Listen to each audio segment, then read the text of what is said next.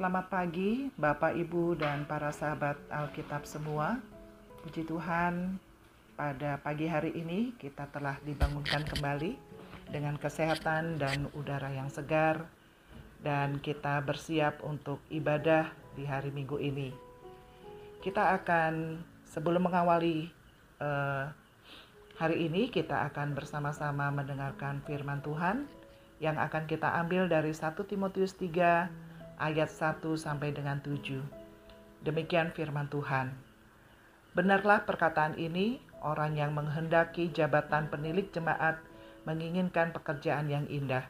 Karena itu penilik jemaat haruslah seorang yang tak bercacat, suami dari satu istri, dapat menahan diri, bijaksana, sopan, suka memberi tumpangan, cakap mengajar orang, bukan peminum, bukan pemarah, melainkan peramah, pendamai, bukan hamba uang, seorang kepala keluarga yang baik, disegani dan dihormati oleh anak-anaknya. Jikalau seorang tidak tahu mengepalai keluarganya sendiri, bagaimanakah ia dapat mengurus jemaat Allah?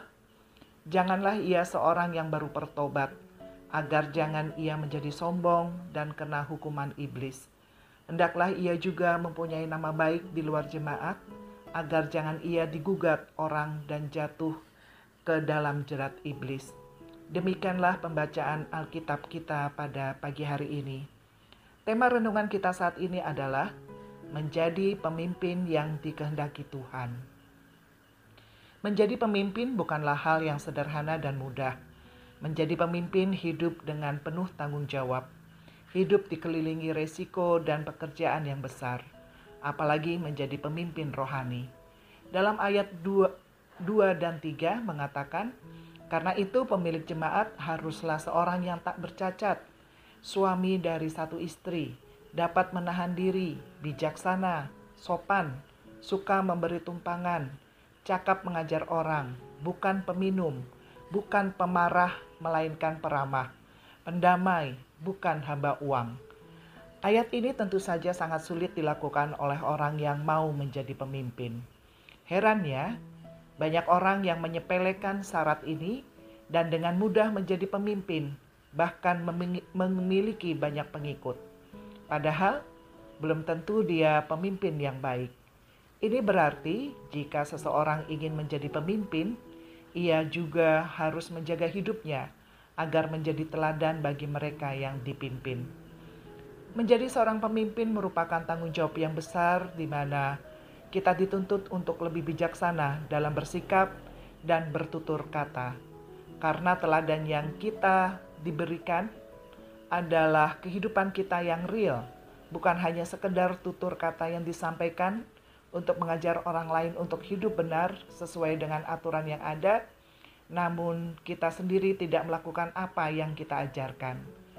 Bukankah kita justru akan menjadi batu sandungan bagi orang lain? Jika demikian, kita ini setali tiga uang dengan kehidupan para ahli Taurat dan orang-orang Farisi yang paham dan mengajarkan firman Tuhan, namun tidak menghidupinya.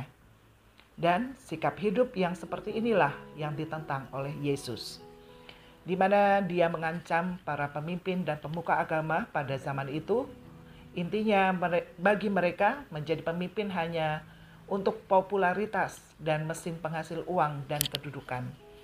Orang-orang yang demikian sama seperti kuburan yang dilabur putih. Belah luar kamu tampaknya benar di mata orang, tetapi di sebelah dalam kamu penuh kemunafikan dan kedurjanaan. Dari Matius 23 ayat 27 sampai 28. Bukan berarti kita tidak bisa menjadi pemimpin. Tuhan memberi kita semua kesempatan yang sama untuk menjadi pemimpin. Oleh sebab itu, Tuhan melalui surat Timotius ini membekali kita dengan cara-cara menjadi pemimpin seperti yang dikehendaki Tuhan. Memang berat, tetapi jika hal itu dapat kita lakukan, maka kita hidup sebagai pemimpin yang benar, baik dalam keluarga, lingkungan, dan di tempat kerja kita. Selamat pagi, jadilah seorang pemimpin yang bukan hanya pandai berbicara, namun yang lebih penting daripada itu, menjadi teladan dalam perbuatan. Tuhan Yesus memberkati.